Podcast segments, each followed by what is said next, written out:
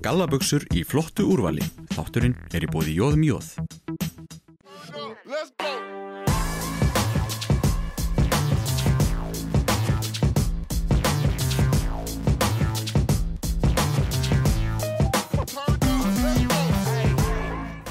Já, komið sæl og velkomin í taktíkina. Í þessum þætti ætlum við að fjalla um blag, annars vegar blag kvenna og síðan karla. Og þá ætlum við að fá meistarana til okkur í settið og það er Káa í báðum vitturunum. Velkonar og til hamingju með bæði báða tillana. Það er byggarmestartitill og deildamestartitill í hús núna. Já, takk fyrir. Takk.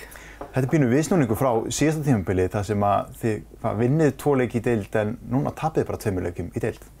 Já, það var algjör viðsnúningur á liðinu og, já, bæði liðinu og fengið náttúrulega nýjan þjálfara, fullt af nýjum mannskap, en líka mannskapurinn sem var er búinn að vaksa rosalega í vetur, við erum bara komið mjög flotta, flotta held í liðið okkar og bara mögnu stemning í hófnum.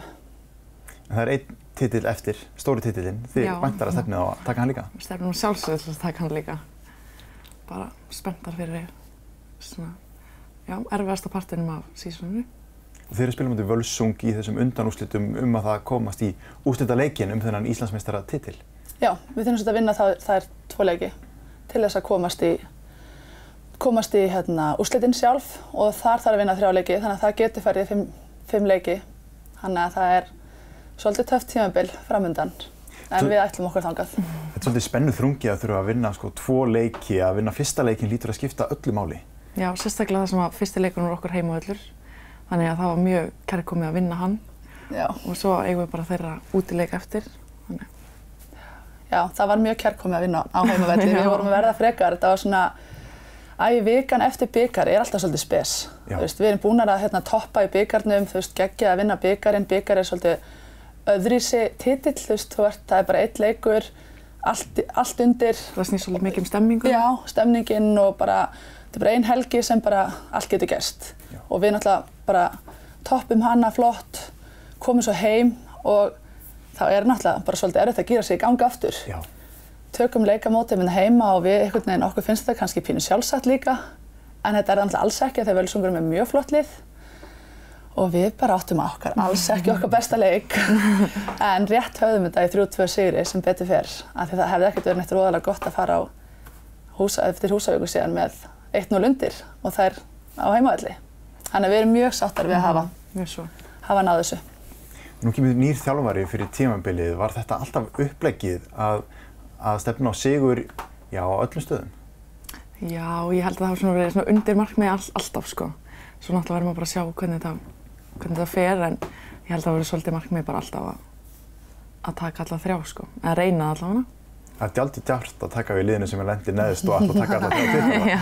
Ég er ekkert vissum að Matti og hefði allir séð það Nei, Veist, þú veist, und, und, undir það var alltaf það markmiði sko, en það var aldrei rætt. Nei. Þú veist, það var aldrei rætt að þetta hafi verið okkar markmið. Hann vonaðist alveg til þess að við vorum alveg nokkra djarfar bara hei við tökum þetta allt þannig að það er bara vonandi að það takist En svona stuðningurinn, nú hefur maður séð að, að nú eru áhörundur allavega sérstaklega eins og í, í K.A.heimilinu, fannir að fylgjast með leikjónum og þetta Mhm. er líka sínt í, í sjónvarpinu og það að horfa á blagleik er rosalega skemmtilegt. Já, við erum rosa ánægð með það að það er búið að bætast ótrúlega í fólkið á pöllunum svo náttúrulega K.A. gera frábæra hluti með K.A. TV þeir eru bara eiga hróskili þar og það tala allar aðra deildur um það hvað K.A. TV er flott þú veist, þeir eru ekki bara með þú veist, bara útsendingu eins og ára mörgum stöðum en þeir, þeir eru með statistik inn í eða þeir eru að tala um hverju er búin að skora mest og sína eins og, eins og svona fítus á leiknum. Þannig að þeir eiga hróskili þar mjög flott hjá þeim. Þannig að það klárlega kemur liðinu á næsta level hvað varðar áhorf. Akkurat. þannig að við erum mjög sáttar með það Það áhelling inn í þetta sport hvað varðar áhorfa því að maður getur hort á fótballtaleik mm -hmm. stundum, það eru fá mörg en það er alltaf verið að skora í blagleik endalaust. Já.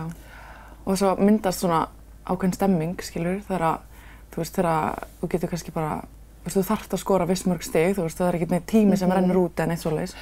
Þannig að ég held að þetta er algjör stemmingsýþrótt, sko. Þú pakkar ekkert alveg í vörðun að það koma engin stíl. Nei, þú getur ekki gert það, þá er- vinnur ekki. Já, það er alltaf eitthvað með að vera, þannig að ég segja blakið á einmitt helling inni. Þetta er, alltaf, það er Íslandingar, þetta er að koma núna með öldugablakin held ég, það eru fleiri farin að fylgjast með. En svona, það vantar pína að auðlýsa sportið betur. Þetta er mjög skemmtilegt sport og það er alveg geggjað að horfa á það. blandan í liðinu núna, yngri leikmenn og svo eldri leikmenn, Mhm. er það hitt á okkar óbáslega góða blöndu núna? Ég myndi segja það. Já, bara þessar ungu stelpur eru svo geggjaðar sko. Þær eru, ég geti verið mamma þeirra, en þær eru bara eins og vinkonu mínar. Já, það er nefnilega ótrúlega hvað við fyttum vel saman, bara sem hild, þú veist, þetta er ekkert eitthvað svona skipt með við hvað, við erum sko, þú veist, frá því að vera 38 niður í sko 15 ára og það skiptir engum máli. Nei, En hvernig svona með yngjaflokkastarfið í þessu, veist, eru þið báða búin að vera að æfa blag alveg frá því að voru ungar eða komið þið setna inn í sportið?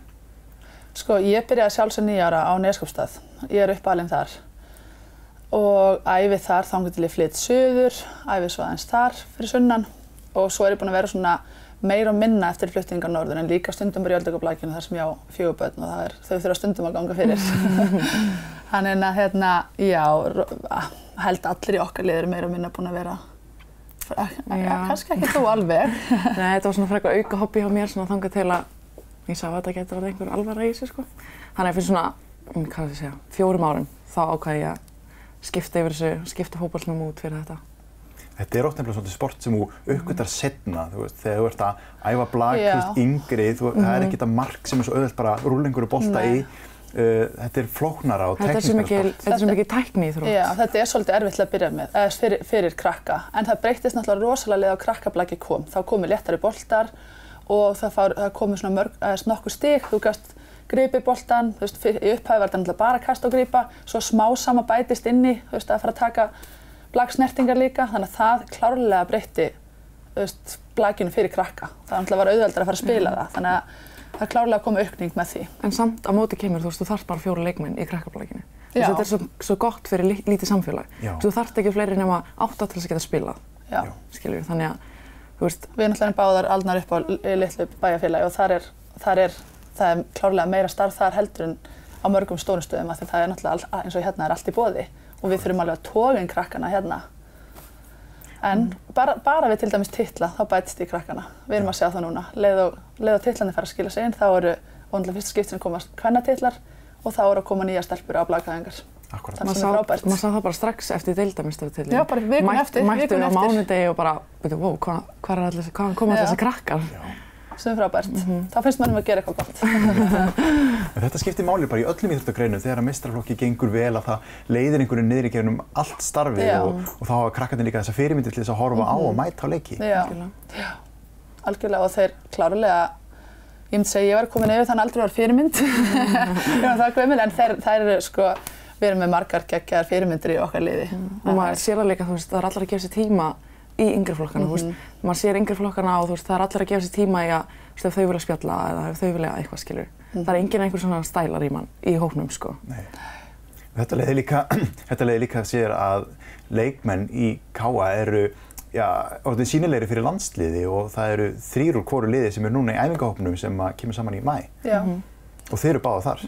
já, Já. við erum báða þar ætlum helst að stefna að komast út en það, það er ekki sjálfgefið, það er rosa sterkur hópur í ár og ég held að nýjir þjálfarar þar ætli að, eða nýjir, er, þetta ekki annað árið þeirra? Jú, þetta er, Já. þetta er þeirra annars sumar. Já, já, annað, annað tíðanbill. Ég held að ætli sér langt í ár, þannig að, en við erum alltaf vonust til þess Já, að já. komast alla leið. En við séum sko, blagdeildin þetta heima, hún er mjög sterk og skemmtileg, en blagíþróttin í heiminum, hún er svo risastóra að það eru allt önnur verkefni þegar landsliðið er að, er að keppa. Þetta eru gríðarlega sterk lið sem að... Við sáum það bara hérna um jólinn þegar við vorum að klára hérna, verkefni þá og þá fengum við, hvað, Belgíu? Það var svolítið skellur, bara heimvelli, þú veist, maður bara, þú veist, það var, ein, þú veist, það var ekki hægt að stilla niður taktíku upp, þetta var bara, þú veist, farið bara og njótið þess. Þú veist, þetta er svo, þetta er svo allt öðru leveli að, þú veist, maður er bara að njóta þess þegar maður fær svona tækifæri, sko. Já. Já. En það er svolítið gaman. Það, er núna er verið að fara á smáþjóðleika og liði klárlega á alveg hérna, möguleika á smáþjóðleikum. Þá, er, þá erum við að keppa við svona lönd sem eru á okkar leveli. Okkar leveli, Já. já.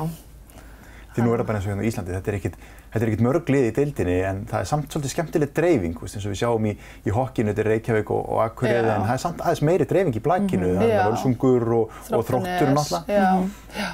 Og bara gaman eins og núna, ég meina, við erum að keppa hérna undanústleit við bara, þú veist, granna okkar. Það er alveg gaman að, hérna, og já, eins og það var fullt hús í síð, á síðasta leik á móti Völsung. Það var náttúrulega að verði meiri svona stemning þegar það er, þegar þetta er ekki allt bara fyrir sunn- fyrir sunnan. Mm -hmm. Maður getur líka séð það í landslýsóknum, þú veist, þetta er, þetta er ekki bara fólk á sunnan, sko. Þetta er helmingurinn er landsbæðafólk, sko. Já, Þannig að það er bara mjög skemmtilegt. En það verður náttúrulega líka til þess að það er dálítið sveiflukent sko, það er ekki það margi góði leikmenn þannig að þeir færast á milli liða eins og við sjáum það að þróttur Já. vinnur í kvennablækinu í fyrra Já. og lendir svo bóttinu núna meðan þið voru bóttinu og farið alveg leiðina. já. Þetta er mjög sveiflukent. Þetta, já, þetta getur verið mjög seflakent. Það er alveg svolítið. En ég myndi segja að deildin í ár, ég reyndar var ekki í deildinni fyrra, ég var ekki með, spilaði ekki þar, þannig ég kannski get ekki alveg borðið saman með hann, en ég held, held svona heilt yfir að deildin í ár sé frekar, Hún frekar skemmtileg og skemmtileg. Út af því að þú veist, það var alveg bara, þú veist, við þurftum að hafa fyrir því alveg frá seinasta, alveg seinasta leik í. Já, Skilur við áttum veist, ofta er það þannig eins og í kallanum, þeir voru búin að vinna þetta, þú veist, og áttu bara- ennþá tvo heimaleiki eftir eða eitthvað.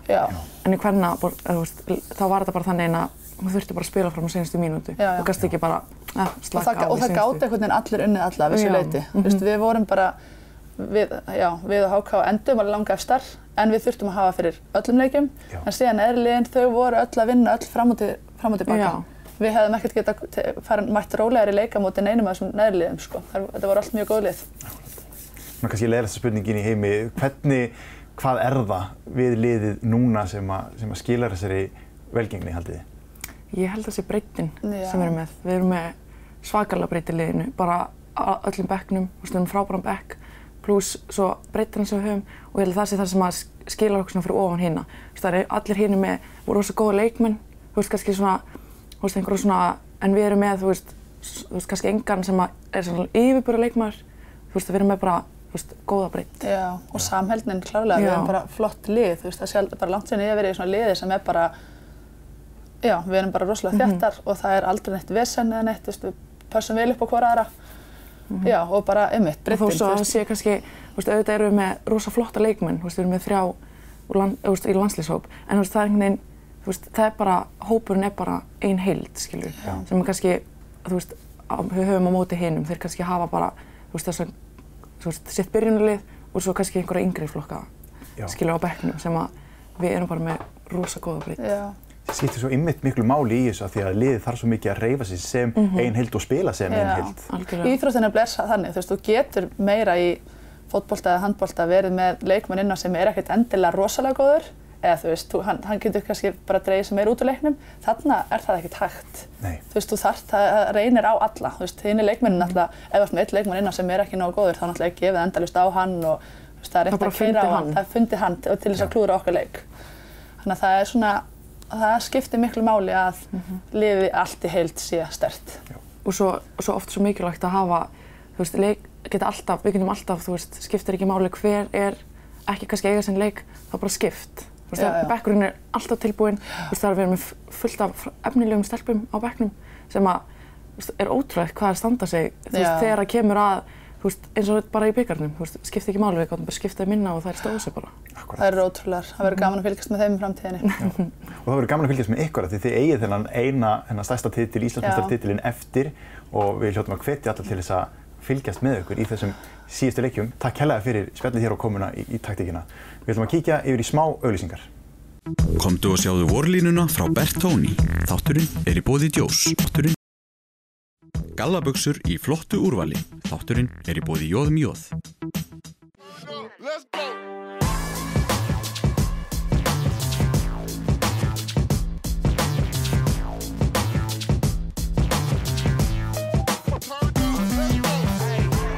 Við höldum áfram að tala um blag í þessum þætti og við ætlum að skipta yfir á ennsku því hérna er komin til mín leikmenn úr kallaliði KA.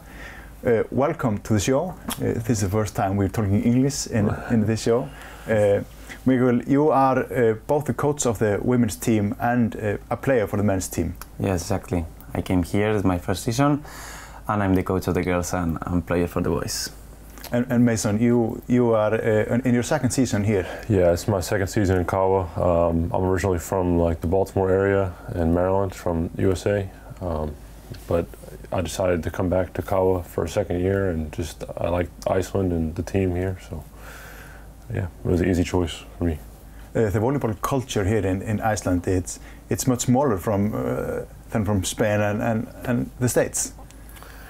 Yeah, the U.S. is uh, it's kind of spread out. You know, where I'm from, volleyball is not particularly uh, common for the men's at least, but uh, there are some areas it's growing. You know, particularly in California and uh, like some of the northern states. Yeah, it's happened a bit the same in in Spain, right? There's like uh, now in Spain really really famous the the beach volley, right? There's a lot of tournaments uh, almost every weekend, right? And about indoor, it, I think it happened the same, right? It Depends where are you living, right? Is more important or not that important. In the middle of Spain, it's not that important, but if you go to the coast, it's it's been a bit important. Yeah. Okay, so you have uh, it. It depends on uh, your location. Uh, you have volleyball is big here, but not uh, all around the country. Exactly, it's like this. Right in exactly in Spain, for example, if you go to some good teams right in the middle of Spain, they don't have a lot of viewers. But if you go, for example, to the coast to some to some sport house, like 2,000, 3,000 3,000 watching the games. Okay. So it's quite different. Uh, but now the men's team, uh, it has been really successful uh, for the last years, and uh, now uh, uh, there are two titles, uh, one upcoming, hopefully. Uh, the culture here in, in, in Kawa, how are you? How are you liking it? Uh, it's really good. Um, you know, we're we're working hard in, in the training, but uh, also we have a good time. And I think uh, you know, me and Mateo and uh, a lot of the older guys just try to show the the younger group that uh, you know we can have a good time, but we want to improve and work on our game as well. Yes, as like he said, right? We are like we have some strong players in the team, and this is why we- it's possible we are getting this this kind of titles. But we are lucky because now we have some young players, really young players, like that they can have like a lot of possibilities for the future. So it's, we have a mix of good players and young players that they can grow up a lot to get these titles in the future. Yeah.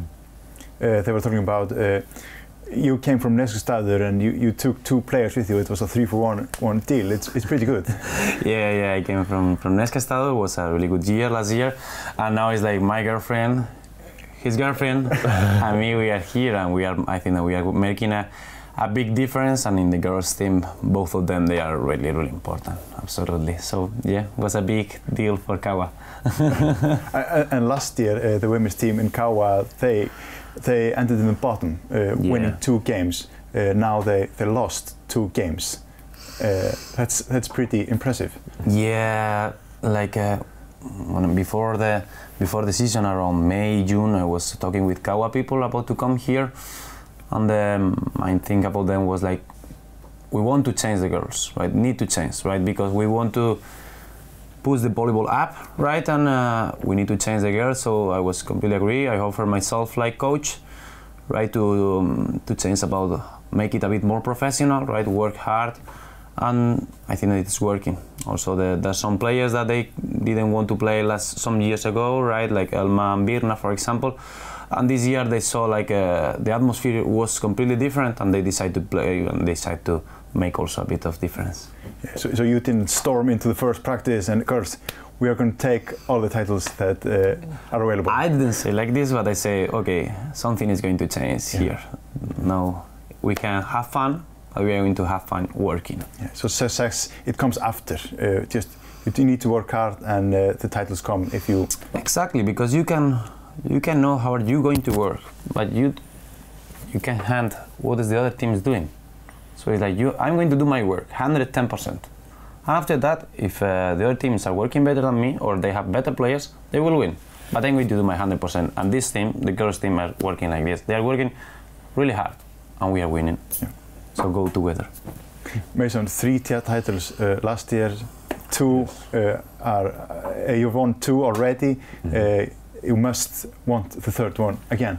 Yeah, it would be uh, it would be nice to repeat. Um, you know, I had a friend of mine here last year, and he really helped us a lot uh, from the U.S. also. Um, but you know, we're we're a different team now. Um, I think this year we're a much more balanced team. Um, but uh, the the feeling is still there. Like we, you know, after this last season, we expected that you know to win again. Like, you know, of course we have to work, but we don't want like anything less than three titles would be a disappointment for us. So uh, you know, coming into the year, you know, the, the returning players, we we knew what we wanted, and uh, the new guys like Mateo and Kiri and some other guys like they quickly came on board with uh, with our goals as a team. So If you take us through the, the practice, uh, on pitch and, and off pitch, uh, how is the training weekend for Kawa? um, it's it's good. Um, our coach is uh, very experienced in volleyball. He's uh, from Poland and he's been playing probably as long as we've been alive. So uh, you know it's good to have someone with so much experience and has played at such a high level, um, just to bring uh, a new perspective to us. You know, you know, in Spain and in the USA we're playing a certain way, and I think he kind of helps us. You know, he's like you know tells us maybe try it this way, and you know, it's uh, it's always good to have someone with uh, new perspectives and uh, that's pushing us to do our best. So. Uh, what do your family and friends say at, at home when you told them, you, I'm going to Neskupstaðir and you, I'm going to Akureyri in, in Iceland to play volleyball? Mine was really fun because I remember like, okay, it's possible I'm going to Iceland to one place. The name is Neskastadur. My family went to Google and saw it like in Google uh, Maps, like uh, straight the, the, the village was like, Miguel, do you know where you're going? Right? It's like all the time darkness. And after I saw it so small, you're going to get crazy. There's like, no, no, I'm going to. And it was an awesome year, right? Because the people there was, the Icelandic people, right? We, it's it's awesome. Like we're, we felt like in a family. So it was uh, was really good. I I feel really good like here in Iceland. This is why I repeat here in Iceland, right? And it's possible that uh, hopefully in the future I will repeat here again. So I can say nothing bad about the Icelandic people or Neskastadur. Yeah. And for me, it was uh, similar. You know, I was out of school. Um, of course, I played volleyball in, in university, but uh, I was kind of just getting a feeling for what I, my next step was. And uh, I'd got an uh, email about the opportunity to come here. So I just, for me, I didn't think twice. I just, you know, I decided to come. And I think I got the email like 6 a.m. And for some reason, I checked, you know, my phone and then I was just awake. You know, it was it was so exciting for me, and uh, ever since I came here, everyone in Akureyri has been great, and uh, just the Icelandic people in general are just so welcoming. And And uh, Sussex, uh, it's a mixture of, of all kinds of things. Uh, it's the practice, it's the players, uh, it's the management, the coaches, everything. Uh, and uh, Kawa has managed to get a lot of good players here. Uh, would you think, uh, where would you put uh, Akureyri on the volleyball map, the world map? Is it a good place? At least we are trying also like to put the Akureyri name in, in Europe, right? Because uh, we have played uh, NEPSA, it's a European North Countries tournament, and uh, we did a really good work because ne- Iceland in the history and has never won a set in this game, in this tournament, sorry. And the girls did a really, really good work there, winning a lot of sets, almost winning some games. It's true that, for example, the last game we should win, right? But I decided to put a lot of bench play, but doesn't matter. And the boys, guys, we won, for example, we didn't win the tournament, but we won, for example, uh, we won two games of three, right? And we won the, to the team who won the tournament, right? So, and before they have, Iceland have never won any set. So it's like a huge difference, right? So Akureyri is making uh, something really good, or Kawa is making something really good for the volleyball. So yeah, I mean, when we were there, at least I can speak for the men. Like we were competing with the top teams of you know Norway and uh, Denmark and all these other countries who yeah, exactly. if you listen to other people talking in Iceland, you know, oh, they're stronger there, you know, the level is greater. But to me, I felt like we were uh, just there with them or even a better team, you know. So Exactly. And this is naturally the next step for, for Kawa when it is beating all other teams, both the women's side and the, the men's side, uh, to go uh, to other countries and uh, test for the next level of volleyball. Exactly, because the truth is Icelandic uh, league in volleyball is not uh, pretty strong. They, we have now, we are lucky because there's like two, three teams strong in volleyball. But the question is like, go go to other country and test like, okay, what is our level? What is our real level about Europe? And we went there and we saw, and the people like, the other team was like, okay, congratulations because Iceland now can compete against us. Because before was like okay we are playing against the Icelandic team. It's a friendly game right? We can put all the bench play and we are going to win really easy. But now it wasn't like this. Everybody was scared like oh we are unlucky. The Icelandic Kawa team is in our group. So huge difference and hopefully will stay like this in the future.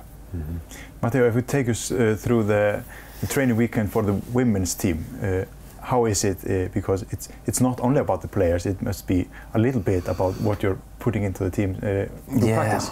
like I said, I s- we are working a lot about. Uh, my goal was like, okay, I'm going to try to show them how is play professional, how is to follow a tactic. Like, like we are going to play like this. We are going to try to break the weak points of the other team, right? And we were practicing like this to follow always a plan, to have always something. Like, okay, we are going to do this for this, this, this, this, and after that, the good thing is that it was happening always.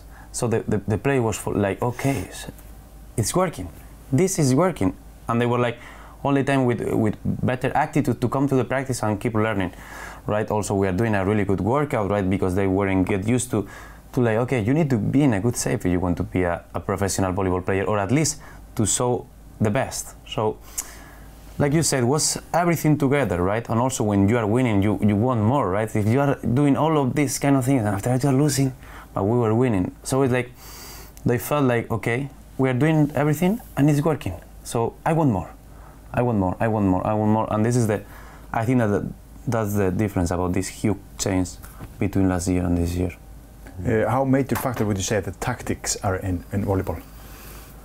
Um, it's pretty important, uh, you know, especially when we went to play in this higher uh, competition, NESVA. You know, we had to think, you know, a lot about what we were doing and what we, you know, like who was spiking in what moments. You know, what what sort of uh, tactics are we using in defense, um, and you know, here in Iceland we know more or less all the players in the other teams. So now it allows us to really come up with more of a plan based on the other teams. You know, uh, you know whether we're playing Haukau or Afterroding, we sort of know what they're trying to do, and we try our best to counter that and uh, just play to our strengths and also play against their weaknesses. So. Yeah, exactly. Like for example, we we do a lot like uh, like I said, when there's weak team and they only have two players, they are always more or less doing the same.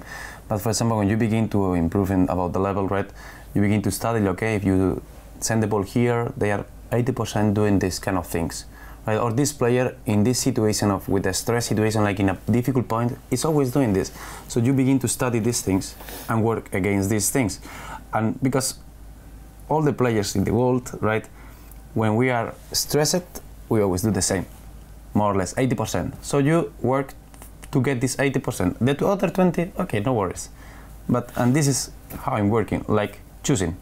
We're going to choose to get this 80. The other 20 doesn't more, no worries. We will win if we stop this 80. I'm working like this. Yeah, definitely.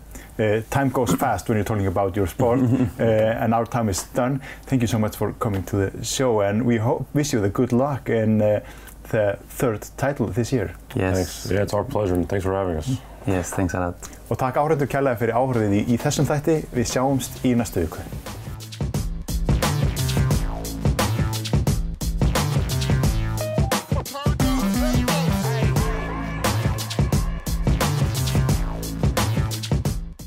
Komdu og sjáðu vorlínuna frá Bertóni. Þátturinn er í bóði djós. Þátturinn